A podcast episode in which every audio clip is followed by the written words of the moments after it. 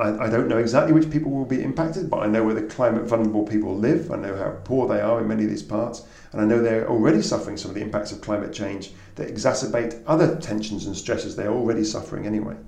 I think it's just completely morally irresponsible for me to think it is appropriate for me, as apparently an elite person, to significantly exacerbate the problems that they are suffering. I think it's important for me to illustrate to other people like myself that you can live a good life as an academic with a much lower carbon footprint.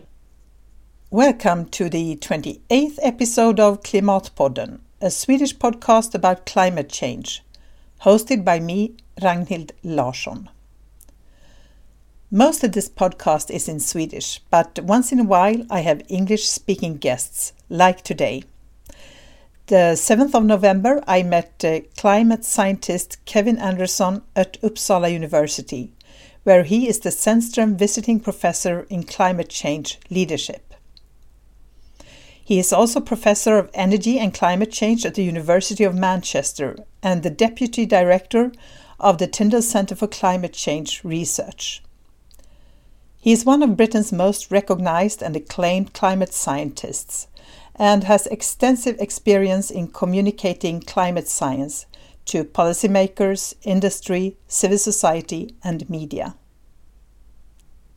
In this episode, Kevin talks about carbon budgets as a way of telling us what we need to do in order to reduce our emissions, and about our immoral lifestyle at the expense of the poor suffering the consequences of climate change already, and the need for a regulatory framework to reduce our emissions and the catalysts for change. In Sweden, Kevin Anderson has made the headlines for taking the train between Uppsala and the UK. He explains why he stopped flying 12 years ago and the impact of setting an example, actually practicing what you preach. Although Kevin Anderson has been accused of being a pessimist and taking away hope, he believes that it's not his job to give us hope, but to communicate what he knows clearly and bluntly, and that the job of the scientists is being completed. And what we really need now are the storytellers, the arts, and the humanities who can translate the science into a language that we are all familiar with. You can find more information about Kevin's research and the podcast at the webpage klimatpodden.se. And of course, you are welcome to subscribe to the podcast on iTunes or SoundCloud or any other podcast supplier. We are also present on Facebook and Twitter. But now let's listen to Kevin Anderson himself. Welcome to uh, Klimatpodden, Kevin Anderson. It's my pleasure to be here. So, who are you? Um, well, I'm Kevin Anderson, and I have a professorship in, at the University of Manchester in the United Kingdom in energy and climate change, and a professorship here at Uppsala University on climate change leadership. That tells you what my titles are. It doesn't really tell you who I am. Um, you know, I'm originally a mechanical engineer who left um, home at the age of 16 and worked on, on ships as a marine engineer, training as a marine engineer. I later went to university and always stuck with engineering and then went to, to design and build offshore oil platforms. And I'd always had an interest in environmental issues and energy right from when I was very young. And I then um, went back to university to try and understand some of the environmental, some of the legal, and some of the economic issues around um, what was more environmental issues than, than climate change. But climate change was just coming to the fore. And I got increasingly interested in, in climate change. I did, then did a PhD on climate change and with only one trip back into industry since, I've continued working on climate change for the last two and a half or so decades now. Hmm. So um, yeah, so now I'm now an academic who works on climate change with an engineering background, but I spend most of my time and have done for the last 15 or so years working with people from different disciplines: economists, psychologists, social scientists, uh, physicists, um, other forms of engineers. Um, so I, I work in a very interdisciplinary environment. I have done for a long time. And what was it that made you decide to leave the engineering and uh, go into research? I think it was really when I was working offshore on the oil platforms, there were lots of things that were uh, environmentally quite damaging that, that were being done. Not, not so much as the burning of the oil, which obviously was bad in itself, but climate change, as I said, was just coming to the fore. It wasn't a big issue at the time. But the ozone layer had been a big issue, so we were involved in a lot of um, CFCs, as they were called then, chlorofluorocarbons, which are the chemicals that we used, many tons of these offshore. There was also quite a lot of oil spills, and there were a lot of issues about um, the increasing concentration of oil in water from just ongoing small operational spills, not just the big tankers that we always think about. Um, so I could see all of this happening, and I wanted to know more about it. So I decided to go back to university to, this, to think, think about those issues then. But I was brought up as a child living next door to a nuclear power station um, in the UK, one that my dad worked at. And um, we used to have, right from being when I was very young, discussions about energy. and it was then called alternative energy, other yeah. things other than burning coal and gas. Um, so we used to talk a lot about nuclear power, about wind turbines, and all those other things way before we ever saw them. Um, so I had that interest right from being very young, and I was also very interested in the environment because my dad actually was from the small island on the west coast of Scotland, a very beautiful part of the world, and we used to go up there every year. And I loved being out in the countryside. So I had this sort of be, so this real enjoyment and pleasure of being in the countryside, which is where I live now. I live out, out, out in, the, in the countryside, in, in the pa- national park near Manchester. Um, but also an interest in energy, and those things have always stayed with me right throughout my life. And really, that's that's what I look at now. So you are at the right place, one could say. Yes, but I do miss the engineering. Oh, I mean, you I, do. I, what, I, what parts do you miss?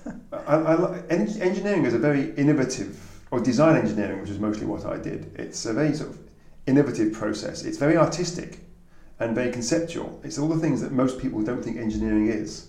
Um, people often use this uh, the expression of doing things with your hands, and it's a very derogatory term because you don't just do things with your hands. When you do things with your hands, you're doing things with your mind. They work together.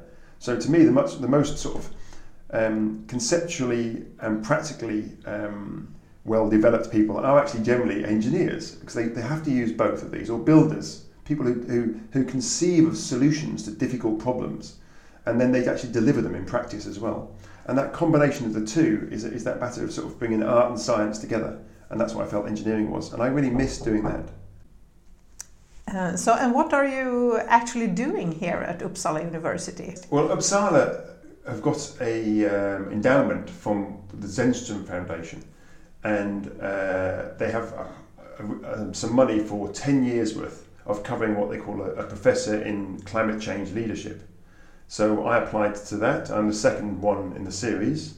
That we have a series for 10 years of people doing this, and I'm probably going to be here for probably two years. Um, with, I'm here 50% of my time and 50% time back in the UK, so I travel backwards and forwards every two months.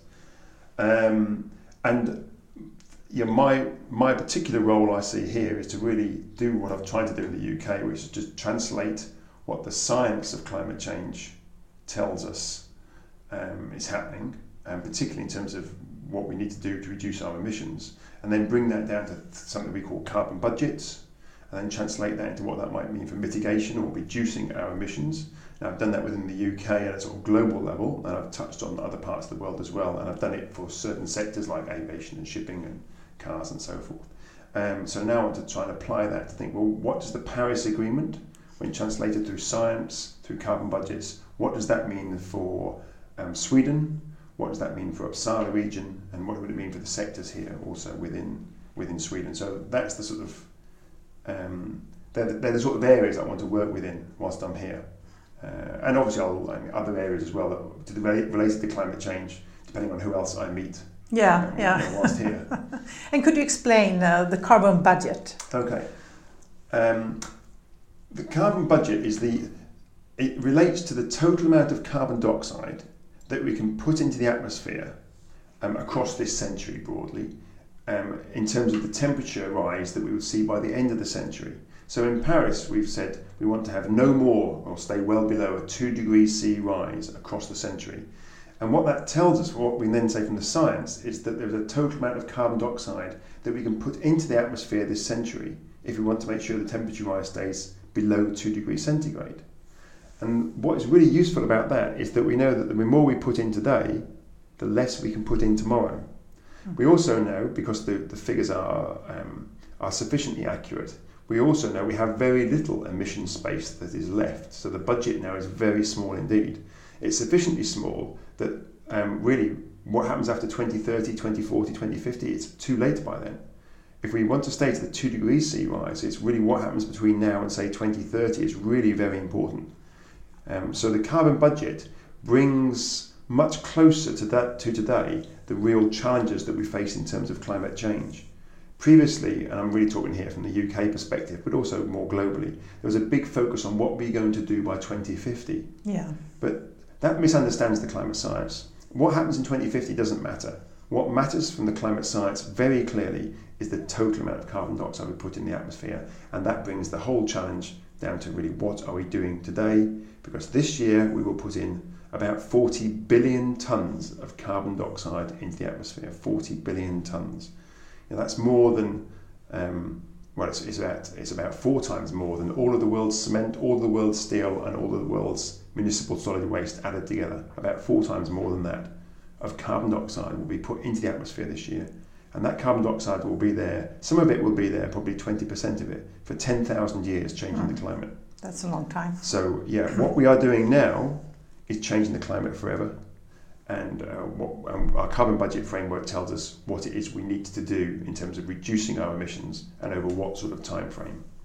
So that's that's the area I'm mostly working on. Yeah, would you say that our politicians realize this? I think it's true to say that politicians are just starting. To, some of them are just starting to understand this. I think it would be also true to say that not many of the climate scientists have. Remember, only a few. You know, climate science is a huge area. You could be a climate scientist and work on the on a cloud condensation nuclei, a little a little piece of dust or dirt in the air that that forms the basis of which clouds produ- are produced. That could be a climate scientist. Yeah. They probably know almost nothing about carbon budgets. And the same if you're if you're a politician working on pensions or some other area um, of government, you may know very little about carbon budgets. So I think it, it's quite a, it's quite new to public discourse, to the discussions we have in the pub, have in public, but also, uh, indeed, many climate scientists haven't really thought about it. But I think the last two or three years, I've seen it now coming to the fore. It's much, there's much more of a focus about it. And of course, we're all familiar with budgets. That's what we live with all the time. We get paid a certain amount of money, and we have to live within that budget. And if we spend more of our money in the short term, we have less of the money to spend in the long term. So actually, it's quite a useful way of thinking about these issues, and it's helpful because it's also scientifically legitimate. Yeah. So it's a really helpful way to think of, the, of these issues. Personally, myself and several colleagues in the Tyndall Centre in the UK have been working with carbon budget since 20, uh, 2005. So we've been working with them for years, and we didn't get a lot of positive feedback from a lot in the scientific community originally because it brings the challenge from the future down to today. We kept saying, well, it's people kept saying, but it's not in line with, say, government policy for 2050. We used to point out, yes, but government policy is not in line with what the science tells us. And as academics, we work with the science, not with government policy. No, exactly. So um, a lot of scientists we felt were not helpful in trying to get, get this carbon budget framework understood. But now I think it is widely understood um, or, or widely recognised as the appropriate way to think about these issues. But probably at the moment, most people aren't really aware of how small the budgets are and how rapidly the changes um, are going to be necessary to stay within the uh, temperature commitments that were set in Paris. Yeah, but uh, realizing what you're saying right now is that we have to act now. I mean, we can't wait another day, really. No, no, literally. Every day we fail today makes it harder the following day. Yeah, but why is there then so little action? I, I think partly there is so little action, really, well, there's two things, two ways to look at this. Firstly, there are lots of things being done. But when you add them together in terms of reducing emissions, they're having almost no effect. So you know, we are looking at lots of renewable power, increase in solar power, wind power. Um, you know, people are trying to be more efficient. Our cars are getting you know, using less fuel per kilometre. There are lots of things that are positive that are happening. People are thinking about these issues and changes are occurring. But when you add all of those up together, they are completely dwarfed by the fact that we're just increasing how much we consume. Mm. So the overall amount of carbon dioxide has been you know, continually going up. Now, only in the last year has it possibly stabilised, and that is probably most significantly related to the economic downturn that's, that we're still suffering from. If you see it, you know, or still impacting us from 2008 to 2010, it's still having that impact. Um, the reason I think we're not pushing much harder is that it starts to beg fundamental questions about how we live our lives, about the economic paradigm that we now think is uh, the only one we can have, um, about the whole concept of progress, of economic growth, of how do we value our status in society is how big is our house, how large is our car, how far do we fly. It's all these things to do with consumption and material goods. These are the things that we see as status increasingly in our new sort of economic paradigm, and we always are aspiring to having more of those. So we see someone who's above us with a bigger car or three holiday homes or you know, or um, always flies business or first class, and we think we would like to be like that. So we are all moving that direction, and that is completely counter to the size of the carbon budgets that we have, where we have to make such dramatic reductions that you can no longer maintain that way of looking at the world. And I say that, I mean, the climate scientists are the same. You know, very few climate scientists have got a lower carbon footprint today than they had 10 years ago. Almost all of them will have an increase in emissions. That's because we fly more places. We meet more of our colleagues in nice exotic parts of the world. We're all part of this, this new you know, progress, I won't call it progressive society, but this new way of viewing progress. Mm. Um, and it is a relatively new way. We've been doing it only really post Enlightenment, certainly post Industrial Revolution. You know, lots of um, civilizations that lasted for, for many hundreds of years, sometimes millennia, like the Egyptians, didn't see material progress in the same way that we are seeing material progress today. And yet we assume it is the only way that humans can actually live good quality lives, is to see ongoing material increased progress. And at the same time, there are, I mean, there are signs of people who start to question this way of life. People have been questioning it for a long time again. Um, so there are there are alternative narratives out there. You know, not not just recent ones, which of course are also there, um, but you know, right back into some of the writing in the 1800s and sometimes before you see you know, people questioning these ways of living. But you know, you go right back to the Bible. I mean, there are yeah. many, some of the sort of fundamental tenets of religion mm. question this idea of relying on, on mammon, you know, mm. on money. Mm. You know, that is our new religion today. We like to think of ourselves often as a as an agnostic or an atheist society, but we are we are more religious than we have ever been. We all believe in the in, in, in and worship the concept of money. Yeah. So we have now a new religion. Yeah. Um, so this, you know, I, I think we've there are pe- people questioning this way of living for a long time. But certainly in the last few years, what we're seeing in the last 10 years is seeing increasing numbers of people coming together to actually make uh, very sort of strong, cogent arguments as to why what we're doing now is not sustainable and what alternative models might look like. Mm, yeah, I guess that's important to have the alternative uh, pictures of what the future might look like because I think we lack those stories. Yeah, I think that's really important. Actually, we need we need alternative narratives, and actually, I often say that I mean, it's, it's slightly flippant, but you know, the, the, the, job of the scientists has sort of been completed. Then what, what we're really missing now are the storytellers, are the arts and the humanities who can translate this into a language that we are all familiar with. And I don't mean one story, I mean multiple stories. The, the, now, all the multiple stories will have to tell the same ultimate sort of objective about reducing our emissions um, but they can be told in different ways, and they attract they are attracted to different communities. Some people like me like the idea of um, yeah more community spirited ways of living. Other people I know prefer more individualistic type of um, of living. You get different cultures around the world that would see see the world in a very different light. So we need to have narratives for those particular cultures. So storytelling is really important. But those stories all have to be now informed, if we're going to respond to climate change, by the broad framing of climate change. But probably the use of language like carbon dioxide or carbon budgets and even the word climate change or the words climate change are not things that are immediately appealing to people. As scientists, they're fine. Yeah. And we engage with policymakers in the same language. But I think to engage more widely, we need to be we need to be coming up with different stories. And even as scientists, of course, we again we're citizens, we're normal humans. We still like those stories and those narratives. Um, they help us think about the, the future as well. It's true.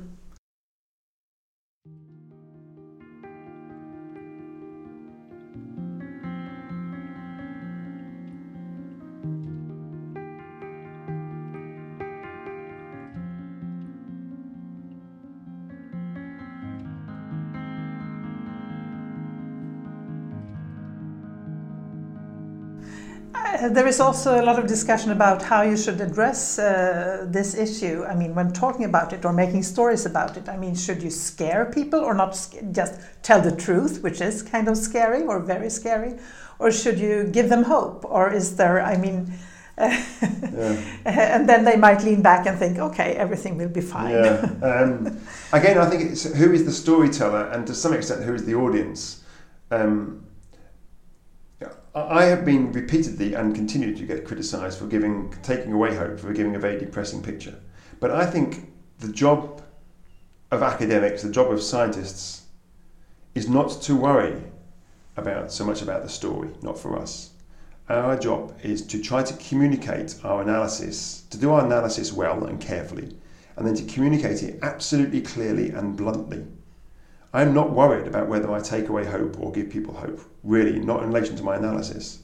What I'm, what I'm concerned about is that they have a very clear picture of the scale of the challenge and the problems that we face. Now, in responding to those problems, we then have to think about what those stories might be. How would you respond to them? But if we cannot recognize what the problem is to start off with, then we are never going to solve it. And I think we have run far too scared for far too long of, as, as academics of being very clear about what the challenge is.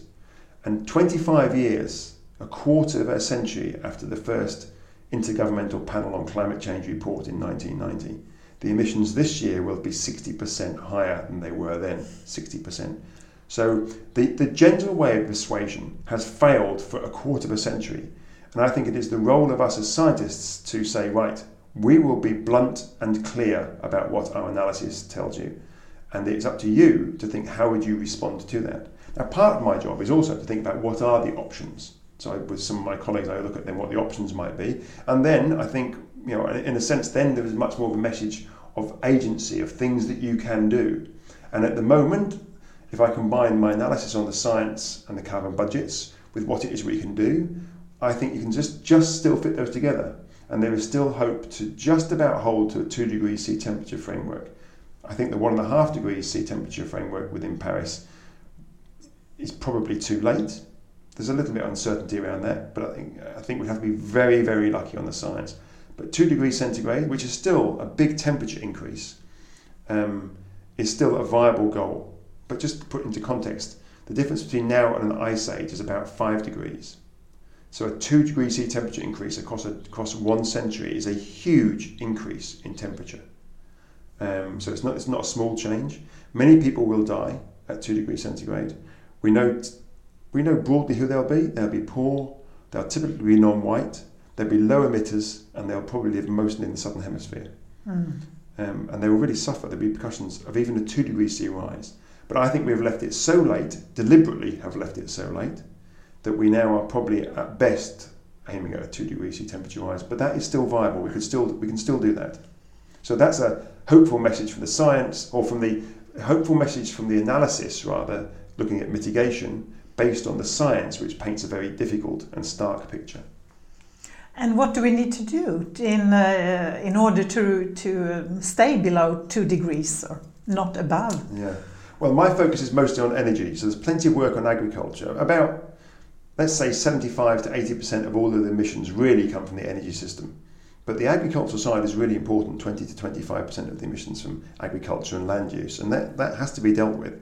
And certainly on that side, which is not my area, we, we do know things like um, uh, moving away from meat-based diets, particularly um, ruminants, you know, particularly cattle and sheep and dairy, moving from those to to um, either chickens and pigs or to more vegetarian type diets, or just cutting back the amount of red meat that we eat, that that can have a big effect upon emissions. So we don't have to become vegetarian, but reducing the quantity of these sorts of these sorts of um, high emission food substances that and um, would, would help. But that, that's not my area, but there's plenty of work there and there are plenty of things we can do.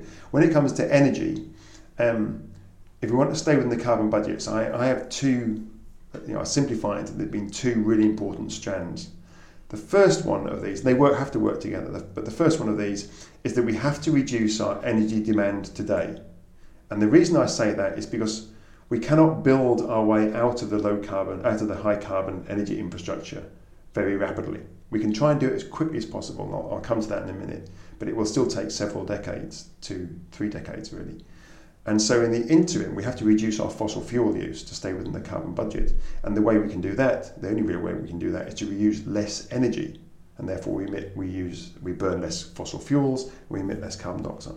And when I say we here, we know that about 50% of global emissions come from 10% of the global population. So there's a huge asymmetry of imbalance between um, the population and who is responsible for the lion's share of the emissions. So those of us who are responsible for most of the emissions, we need to make dramatic reductions in our use of energy. And this could have very big impacts in terms of reducing total global emissions of carbon dioxide. Just to give an example, you know, the, you know, 50% of the emissions come from 10% of the population. If that 10% reduced their emission levels on average to, to that of the typical European citizen, so it's not exactly really low, it's still a fairly good level, um, that would cut global emissions by one third. Just the 10% of the global mm. population reducing to the level of the average European would be a third reduction in global emissions. Mm. So that's quite, a, if we think 2 degrees centigrade is really important, that is quite viable. It will be very challenging for those of us in that 10% for our lifestyles. We will have to temporarily make big changes to how it is we live our lives. But we're not asking for us to live impoverished lives. Now we have to go much further than that. That's not enough, but that just shows what you can do very rapidly indeed. And of course, there are many other people who are still on sort of you know, moderate levels of emissions that could make further reductions to theirs. So we have to reduce our energy demand, and that's generally from lifestyle changes and from um, when we do buy new technologies, which we do quite rapidly um, with on the demand side, uh, things like cars, um, stereo equipment, refrigerators, you know, hoovers, all those, you know, all the things that we normally buy that use energy. We have to buy the most efficient ones available. Now, this is not just the role for us as um, as well-meaning citizens. It's not just for altruism. This has to be driven by a regulatory framework and incentive structure put in place by governments as well.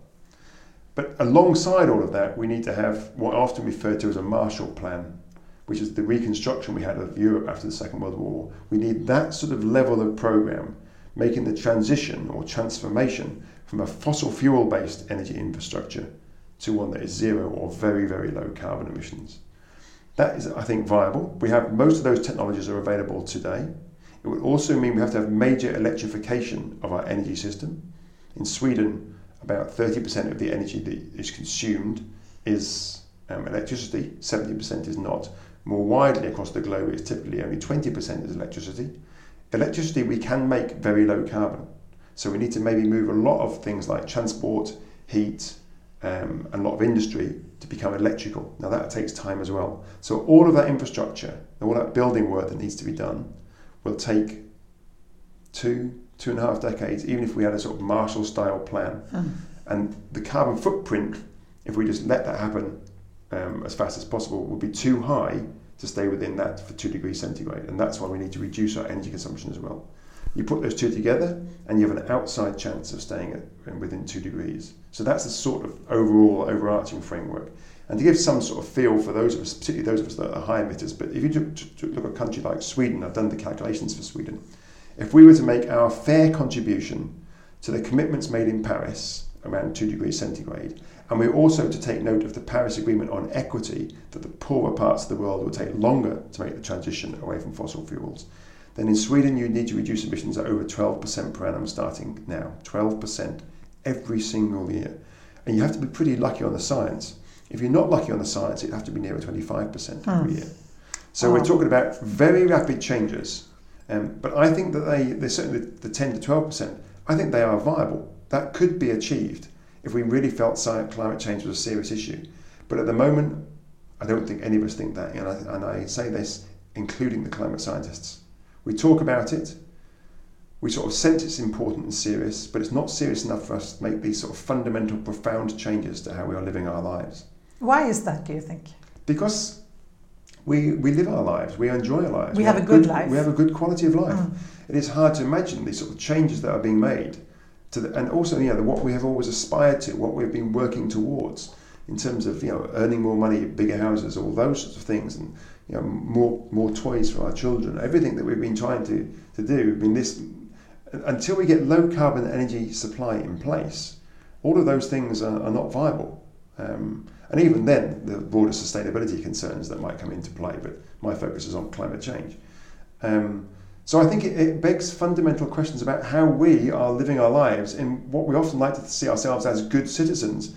But as good citizens, what we are doing is destroying the prospects and the future of our own children. Yeah. So that is difficult when you're sat there having breakfast. As a, you know, imagine as a climate scientist, you work on this every day.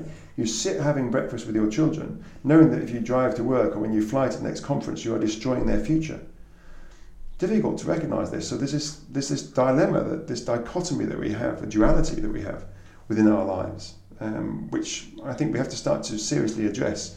But because we're all suffering this, it's because it's easiest for us all to come together and say, "Oh, there are lots of things we can do. We needn't worry too much. The future will solve the problems for us." But it won't. So.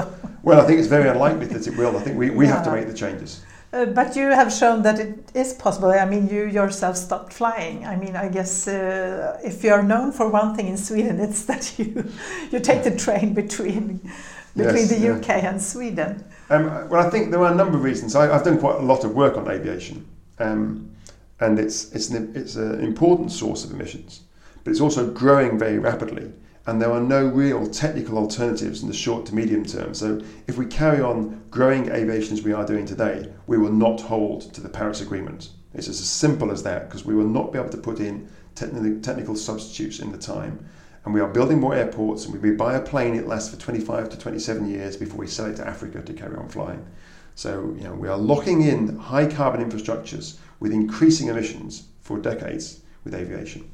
And so it's a particularly challenging industry. So my decision a few years ago in 2004 was to try to avoid flying, and so far I've managed to do that. I don't have a no-fly policy, but I haven't flown for 11 or 12 years. 12 years now. Yeah, 12 years now.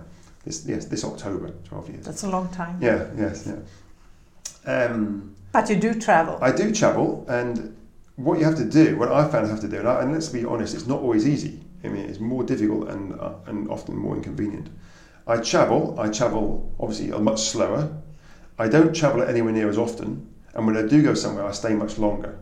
So that you end up, you know, I think actually you get a lot more reward out of it, but it is more difficult to organise. It is harder with your friendship groups at home and your family. But ultimately, all of this is about families. If I choose to travel fast, I'm saying my family, seeing my family now is more important than my family's future, my children when I'm no longer here, and it's more important than the families of poor, climate vulnerable parts of the world now. So I can't say that. I think it's inappropriate to do that. You know, there are lots more things I can do to reduce my emissions. I've tried, you know, reasonably hard for, you know, a wealthy professor. So I moved into a small. I, I live in a flat now, not a big house, but it's a very nice flat. I still drive. I drive much less, probably seventy percent less than I did ten years ago. I've stopped flying. Um, I didn't have a fridge for 12 years. Now I have one again. It's a very small, efficient fridge, and I keep thinking oh, maybe I will get rid of it again. In fact, if I lived in Sweden, I wouldn't have a fridge. In Uppsala, you don't need one. It's so cold. It's, it's, uh, yeah, sufficiently cold. Um, but that, I have not done anywhere near enough. But I'm just trying to, you know, I, I think it's important that we try, if, if those of us work on climate change think it's an important issue, we should try to see can we actually demonstrate how we can make changes in our lives that do not mean that our lives are worthless or really difficult it's, it is more challenging in some respects, but much richer in other respects from not flying everywhere.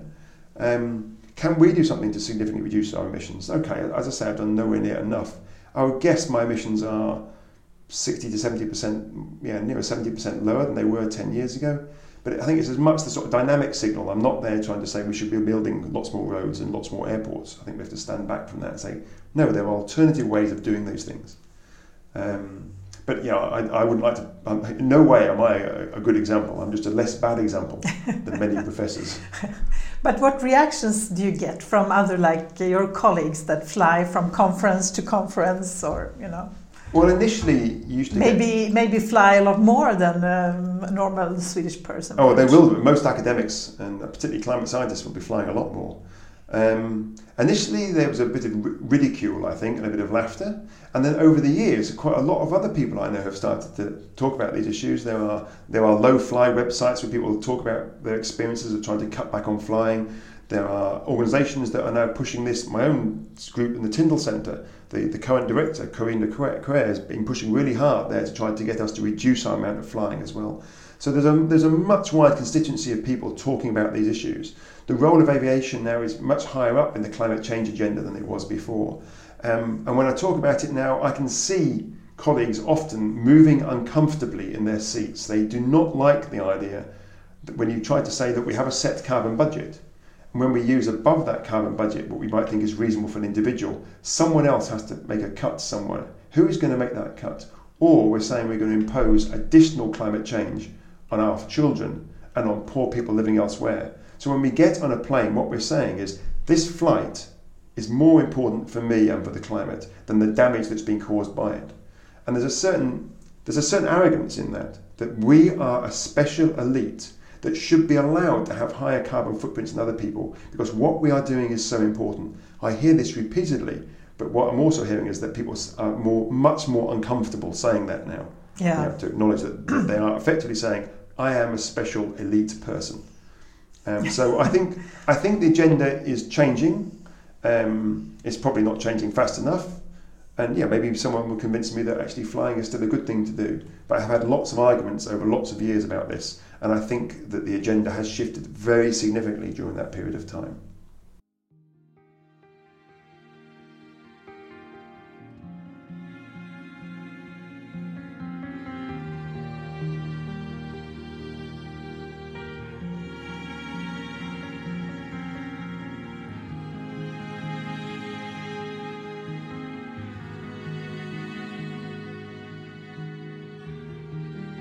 But whose responsibility is it then? Because I think, don't you think that the politicians should make regulations that, I mean, put higher taxes on flying and make it easier and more comfortable to take the train to the UK? I mean, nowadays, we talked about it earlier, you can't take the night train anymore. No, no. You have to spend the night in Hamburg or Yes, somewhere. Uh, y- yes, without a doubt. I mean, I, I don't think altruism is going to solve climate change at all. And often people say, I just talk about the individual. You know, I've written specifically about this. I see the individual and the collective as one and the same thing. But collectives require, if you like, examples to be demonstrated by individuals who then talk with other colleagues and friends and uh, institutions that try to drive change. And that change then starts to sort of um, grow and coalesce. And then that gives examples to policymakers about what needs to be put in place to encourage other people to do that. So I do not think, I do not expect everyone to stop flying. But what I do think is that those of us who work on climate change who think it's really serious should be demonstrating it's possible. That demonstrates not just to us, but it demonstrates to our universities. It demonstrates to the funding bodies of universities. It demonstrates to policymakers actually what would we need to do to encourage people to fly less. So you could have, I mean, there was no tax on, on aviation fuel because of the 1944 Chicago Agreement. We have climate change in 2016, and we're still constrained internationally by the 1944 Chicago Agreement. So we have no tax on aviation fuel, international aviation fuel. Um, we have to rethink those issues. But we could have a frequent flyer levy. levy. So the more you fly, say you buy the first flight, maybe you buy that at normal cost. You buy a second flight for that year, it's twice the price. The third flight is three times the price. The extra money that's made on that could go back to funding improving the train service. But you know, if we are going to wait for new infrastructure for putting you know, new railways down, faster railways, then of course that is too late. Again, we have to change what we do in the short term, and that is often inconvenient, but it's not really difficult. Is, it more inconvenient for me to take a bit longer to travel to the UK, or is it more inconvenient for 30 million people living within one metre sea level rise of Bangladesh to deal with the impacts of the climate change that I have caused by flying backwards and forwards to the UK? These are the really difficult, geographically disparate issues that we now have to face. And you know, I think the climate science is sufficiently certain. I, I don't know exactly which people will be impacted, but I know where the climate vulnerable people live. I know how poor they are in many of these parts, and I know they're already suffering some of the impacts of climate change that exacerbate other tensions and stresses they're already suffering anyway.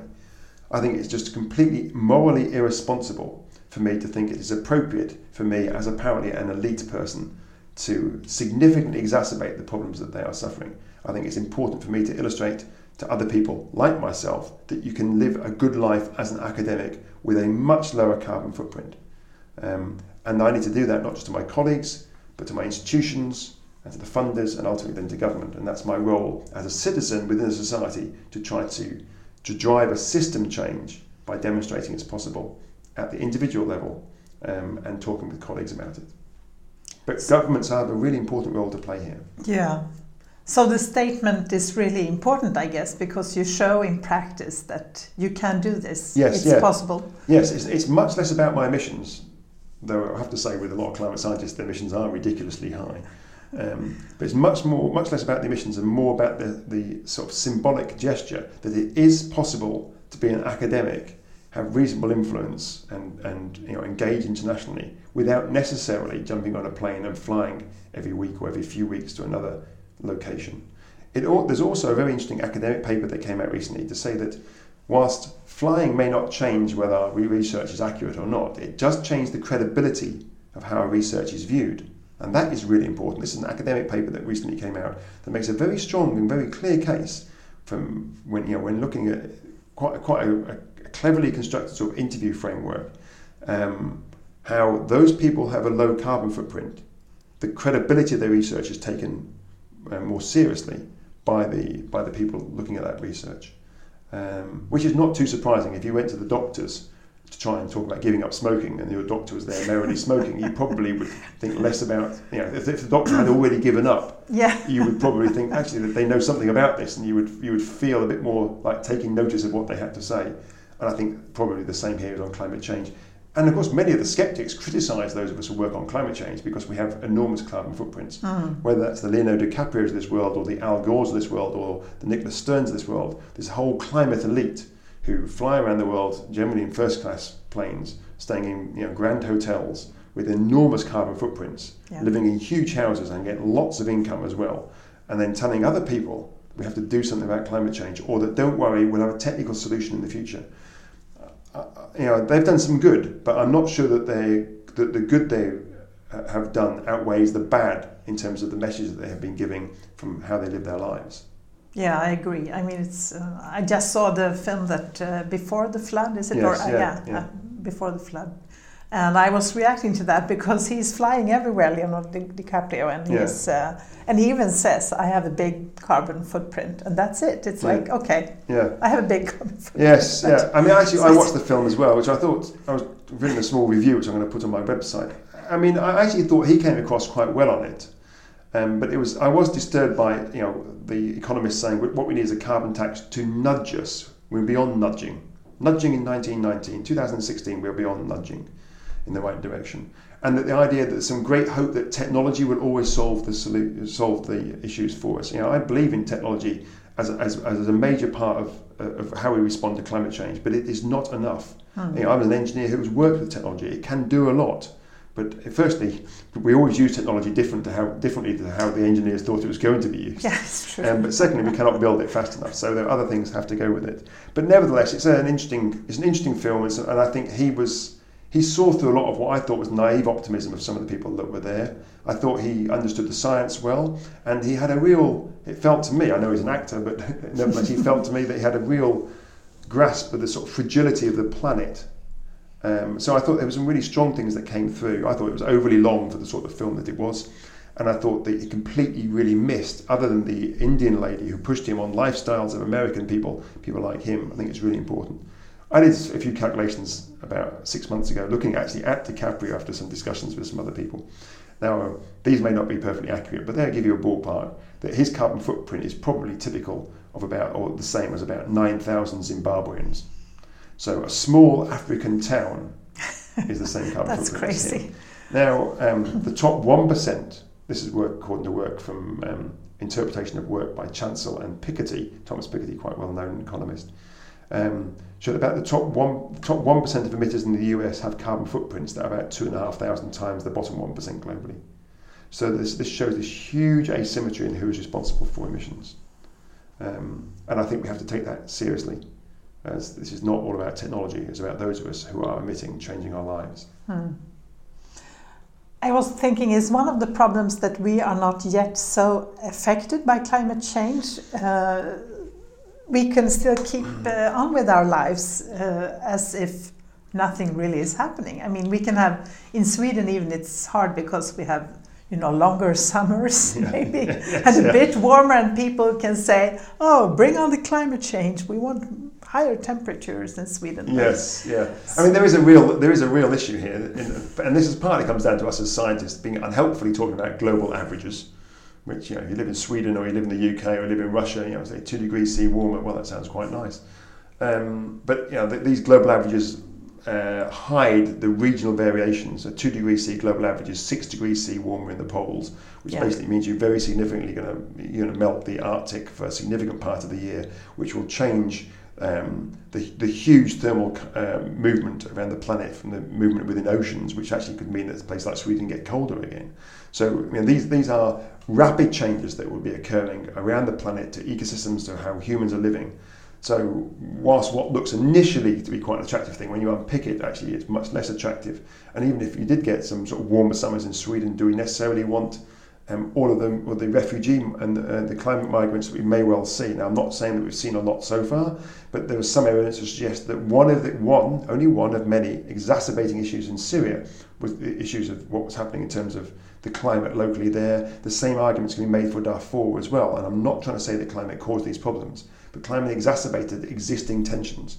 Now, as we get more climate problems, they will start to exacerbate tensions even further than they are doing already. So we may think we're a bit warmer, but look at what's happened across continental Europe. Because of what's happened in Syria, you know, that's just an example of the sorts of things we could imagine seeing. Because of that, we've already broken the virtually broken the Schengen agreements. Now we get stopped at border crossings. Um, you know, the, the, the tension that's caused across Europe, the, the rise of, uh, in my view, a very negative right wing across Europe. Again, I think has been really very, very unhealthy. Um, so, okay, we get slightly warmer summers. Is that worth it for what we're seeing across other parts of the world, even with our own doorstep within Europe? I think not. Um, but there is a real issue here that there is a time lag between making the difficult changes today and reducing our emissions and the impacts that we would see if we didn't make those changes. There's a time lag between those of several decades. There's also a geographical lag um, where the poor parts of the world are already seeing those impacts playing out for them to certain degrees, and these, these impacts are going to get worse and worse. But we don't see those people, or we can switch them off our television. We, we don't really empathise with them. We've never really cared about poor elsewhere. We pretend to care, and a few people maybe really do, but most of us, it's, it's lip service. You look at the amount of money we give of our economy to some of the poor parts of the world, it's just a percent or two, that, and that's probably how much we care. Very, Yeah. very little. Um, so they, these poor people are a long way from us who are culturally quite different to us. We are prepared for them to have the impacts of our activities. And we don't really think, even more disturbing to me, we don't really think that much about our own children's future. I mean, I find this is probably the most disturbing is that, you know, I know academic colleagues who say, I have to fly back to spend time with my child. You mean you have to spend time to spend, fly back to spend time with your child whilst you are able to spend time with them, knowing that's going to make their lives much more difficult in the future. So you're privileging your time with your child over your child's life in the future. I mean, actually, climate change starts to beg some quite worrying, or ask some quite worrying questions, of you know, deep philosophical questions about what do we value in society? How do we value things? Um, are we innately that selfish, or is that something about the structure of our society today that has brought that selfishness to the fore at the cost of our other sort of very clearly we are sometimes very altruistic, very caring and giving human beings, but somehow that has been pushed to one side and our selfishness has come to the fore. So it has raised some really very difficult questions for us.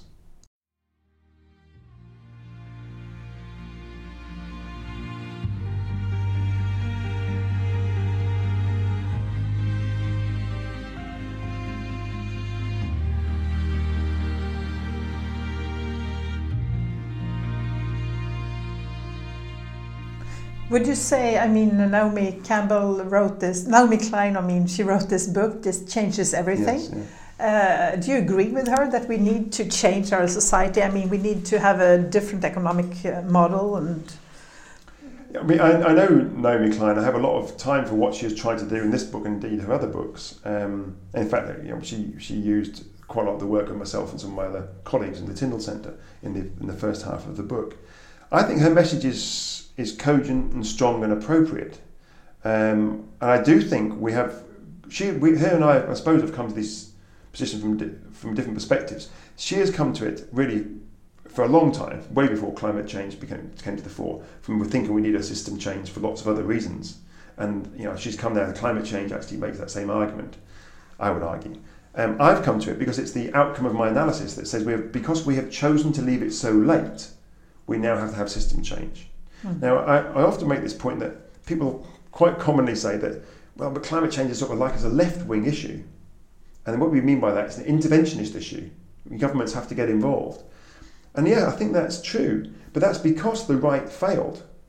If we'd started back in 1990 when the first IPCC report came out, when we had you know, Thatcher, Margaret Thatcher in the UK saying climate change is a hugely important issue. We had George Bush, the first, initially saying it was a really important issue. We had these people coming out and saying how important it was.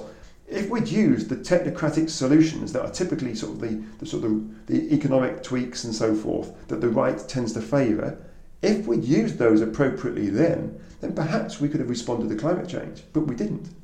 The right broadly chose to ignore the issues of climate change, and because it's a cumulative problem, not a long term problem about 2050, because it's a cumulative problem, every day it failed, it made it more difficult the day after.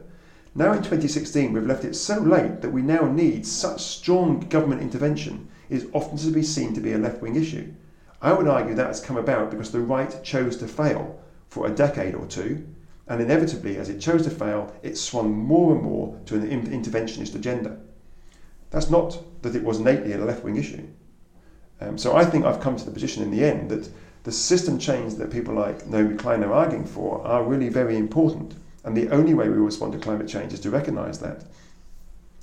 Now, we, it may also be important for sustainability issues, it may be important for other equity issues, and we can make our own judgment on those. But I'm coming to this purely from a climate perspective.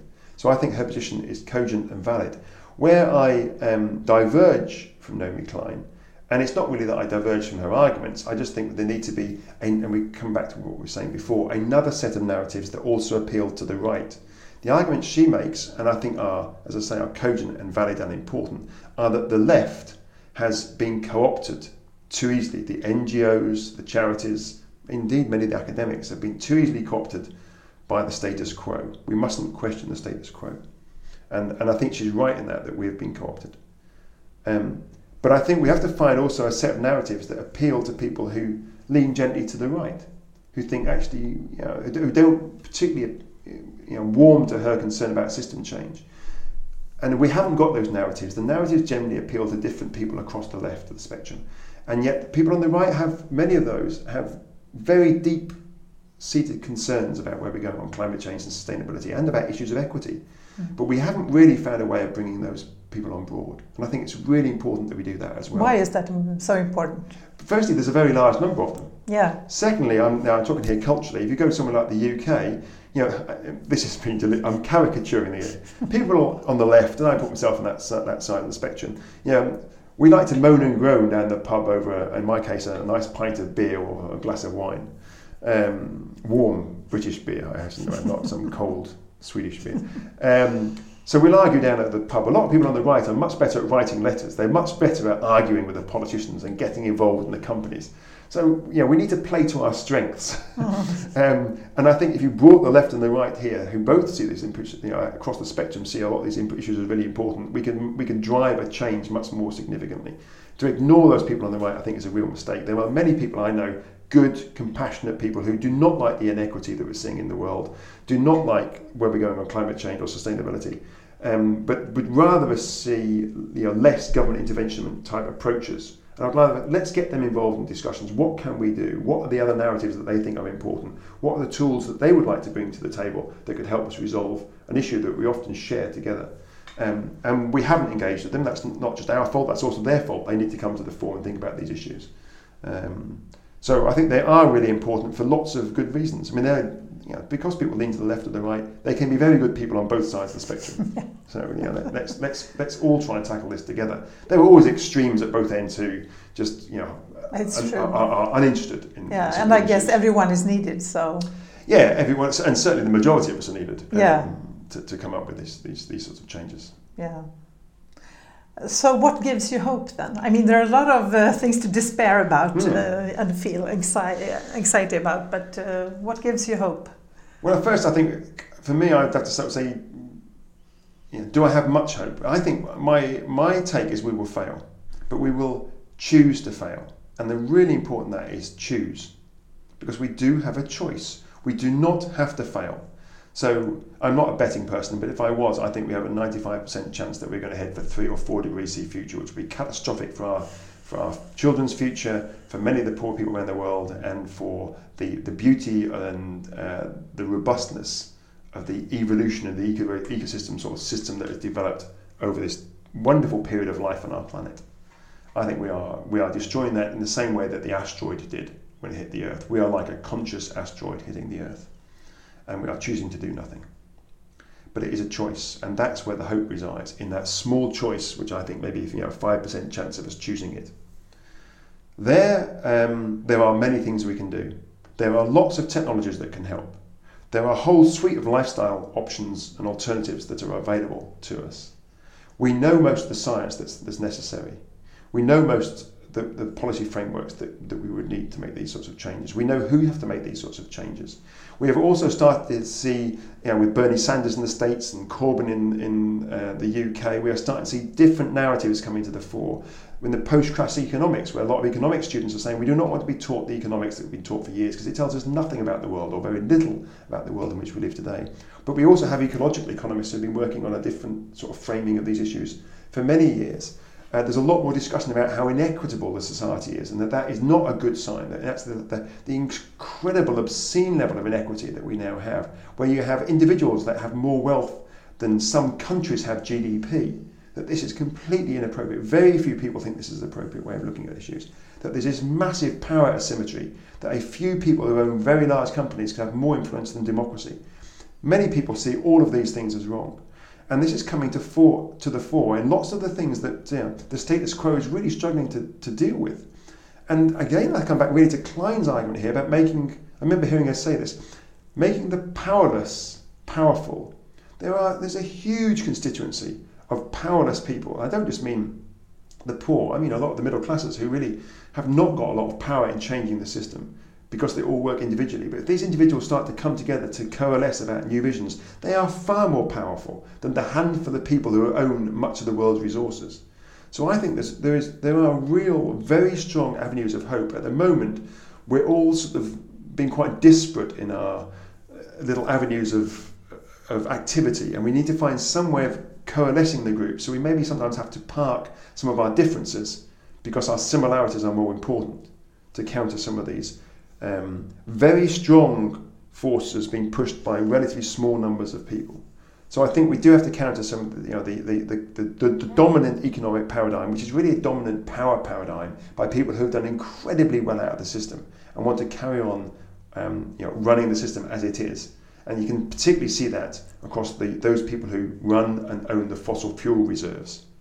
Um, and you know whether you whether we talked earlier about the DiCaprio's Beyond the Flood, but to me, a, hugely important film which did not get anywhere near the coverage that it should have done was Merchants of Doubt, or indeed the wonderful book that Erik Conway and Naomi Oreskes uh, put together that explains so much about why it is we're choosing to do very little about climate change. Um, and indeed many of the other big problems that we face worldwide as well.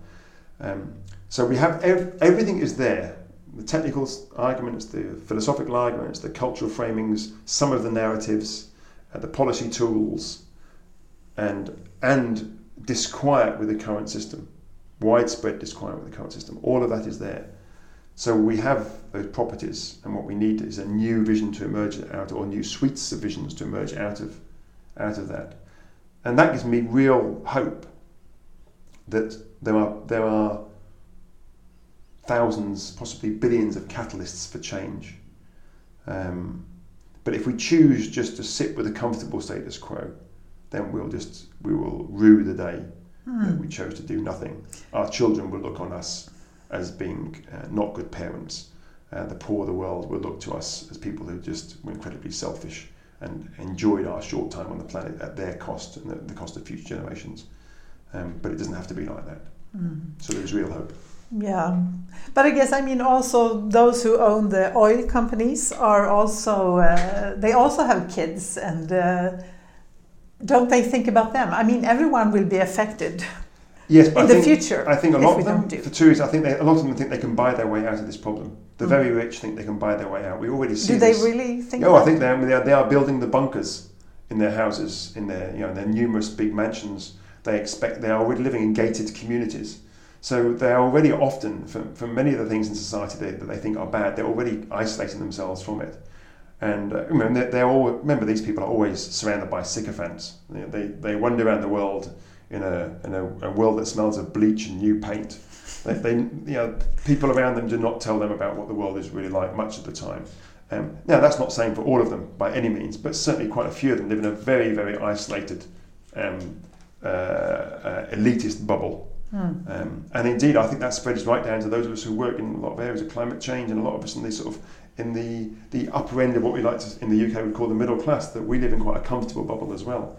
Um, and okay, we, we see a little bit more of the problems because we don't all live in gated communities. We can't all afford to. We cannot afford to buy our way out of all the problems. But we often think we can do quite a lot to buy our way out of these issues. So I think that they are some of the problems um, as to why it is that the very, you know, some of the very elite are prepared to forego a, positive future for the planet because they think they and their immediate offspring will be fine because they can buy their way out of the problems.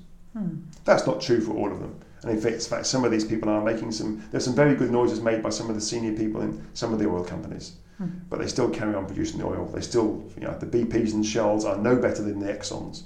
The Exxons of this world are wolf in wolf's clothing. BP and Shell are just uh, wolves in sheep's clothing. You know, don't use coal, use gas. Gas is still a very high carbon fuel. We have to move away from fossil fuels. I think we probably have to move away from the broad framing of the fossil fuel companies. They have had their opportunity to make the transition to be alternatives. They have failed. I think new incumbents are required now. I do not think the fossil fuel companies are part of a positive future. I think they had that opportunity. They, yeah. they tried. You know, they became beyond petroleum. They failed. They are now just exploiting more and more fossil fuels, whether it's under the Arctic or the tar sands or the, or the fracking for gas. Um, and I think we have to recognise that we need new incumbents, new players that will come along with new models, and they will be the dinosaurs of the future.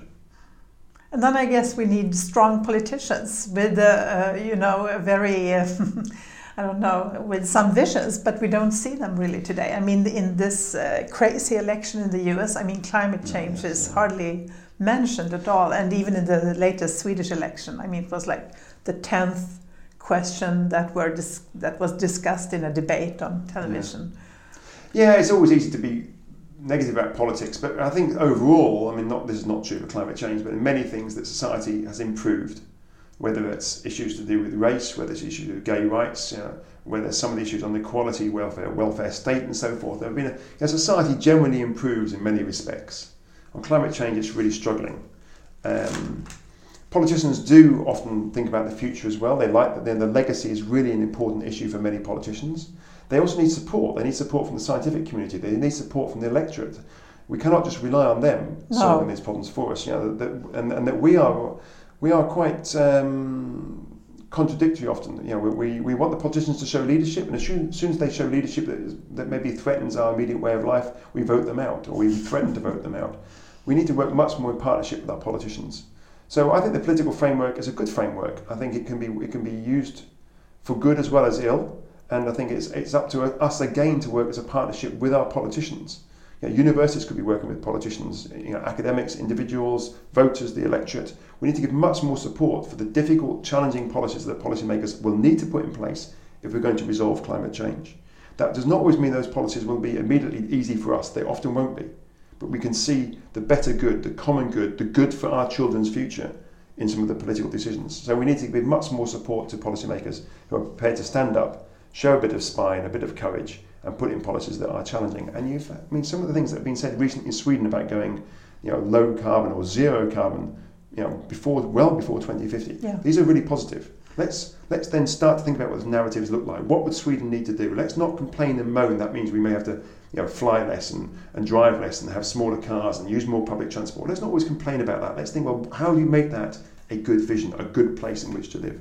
So I think you know, politics is is again, it can be a very progressive, it is a very progressive way of thinking about these issues, a re- progressive tool for us to overcome issues of climate change and many other um, societies, other ills. It has been very successful in the past. I don't think the politi- politicians of the past were any better than the politicians that, that we have today. Um, so the politicians are just us, mm, people like us true. that stand. So if we think it's important, so do the politicians. Mm. So, what is your vision then of a sustainable future? What would life look like? well, my particular one, um, oh dear. Uh, well, well, I think uh, I come at it from a climate perspective, which is slightly different from sustainability. So much, sustainability is much more complex, much more long term. From a climate perspective, we have to consume much less fossil fuels. So we have to see a radical change in how we are transporting ourselves around the planet, what we buy, uh, how we heat our homes, um, what we eat. So, you know, to me, from a climate perspective, is what we do in the next 10 years. So it's those rapid, difficult changes that is a significant part of a vision of a, of a different future. And that will mean for a significant percentage of us what we would initially see as difficult changes and not particularly positive changes to our lifestyles. But not living, we're not moving to live in caves, not appalling lifestyles, still actually compared to most people on the planet, very good lifestyles, but with much, much lower energy consumption, much lower levels of consumption overall.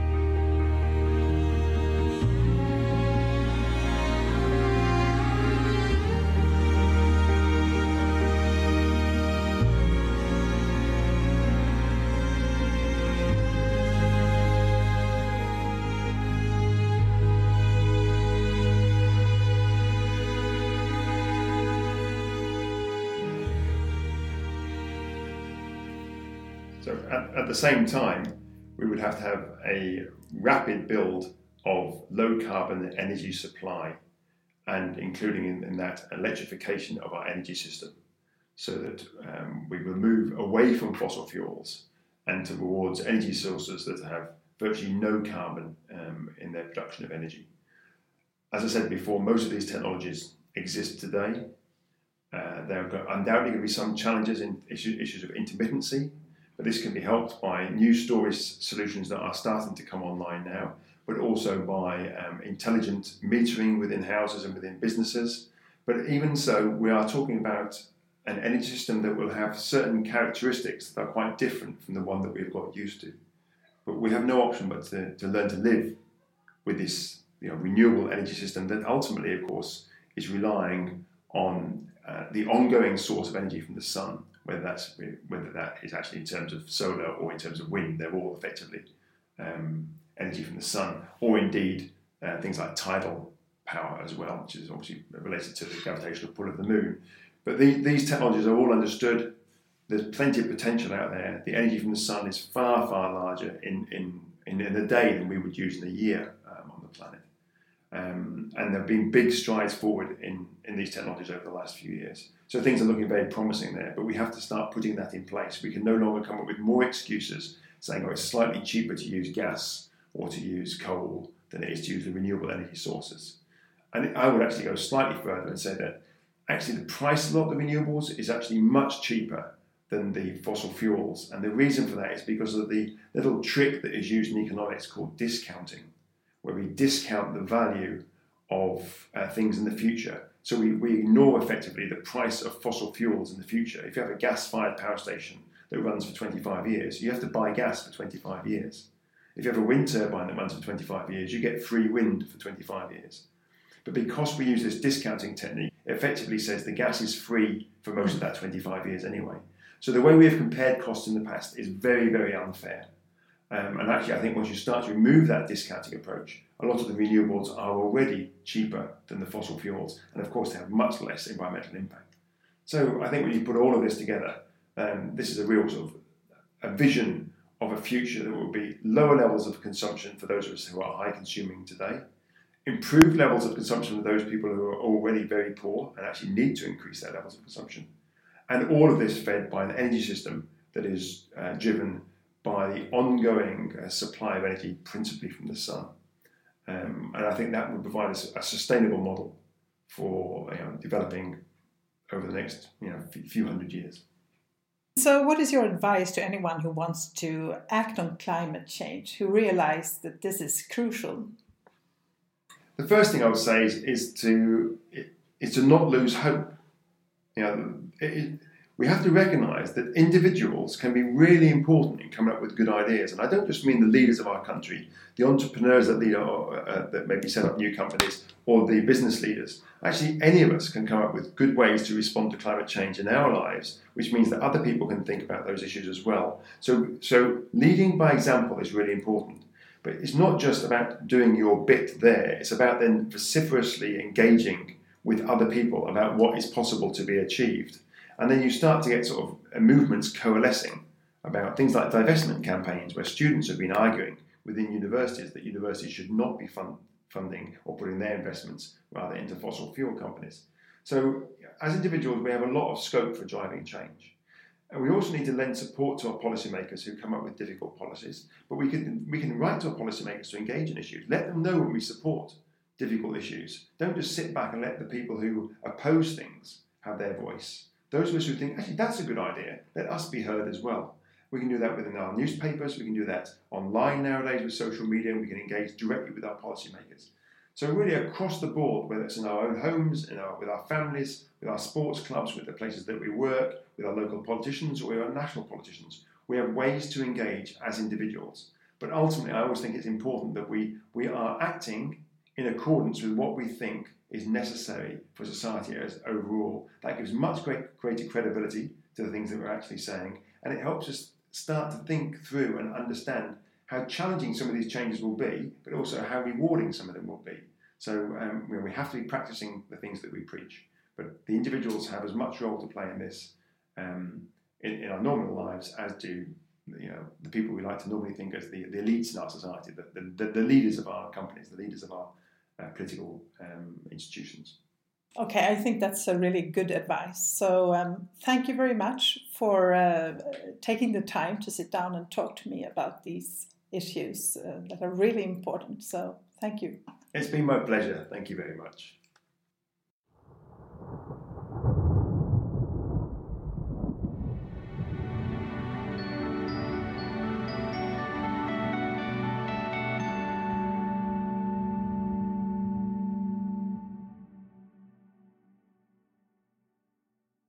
Welcome to follow us on Facebook and Twitter and to subscribe to the podcast on iTunes, SoundCloud, or any other podcast supplier.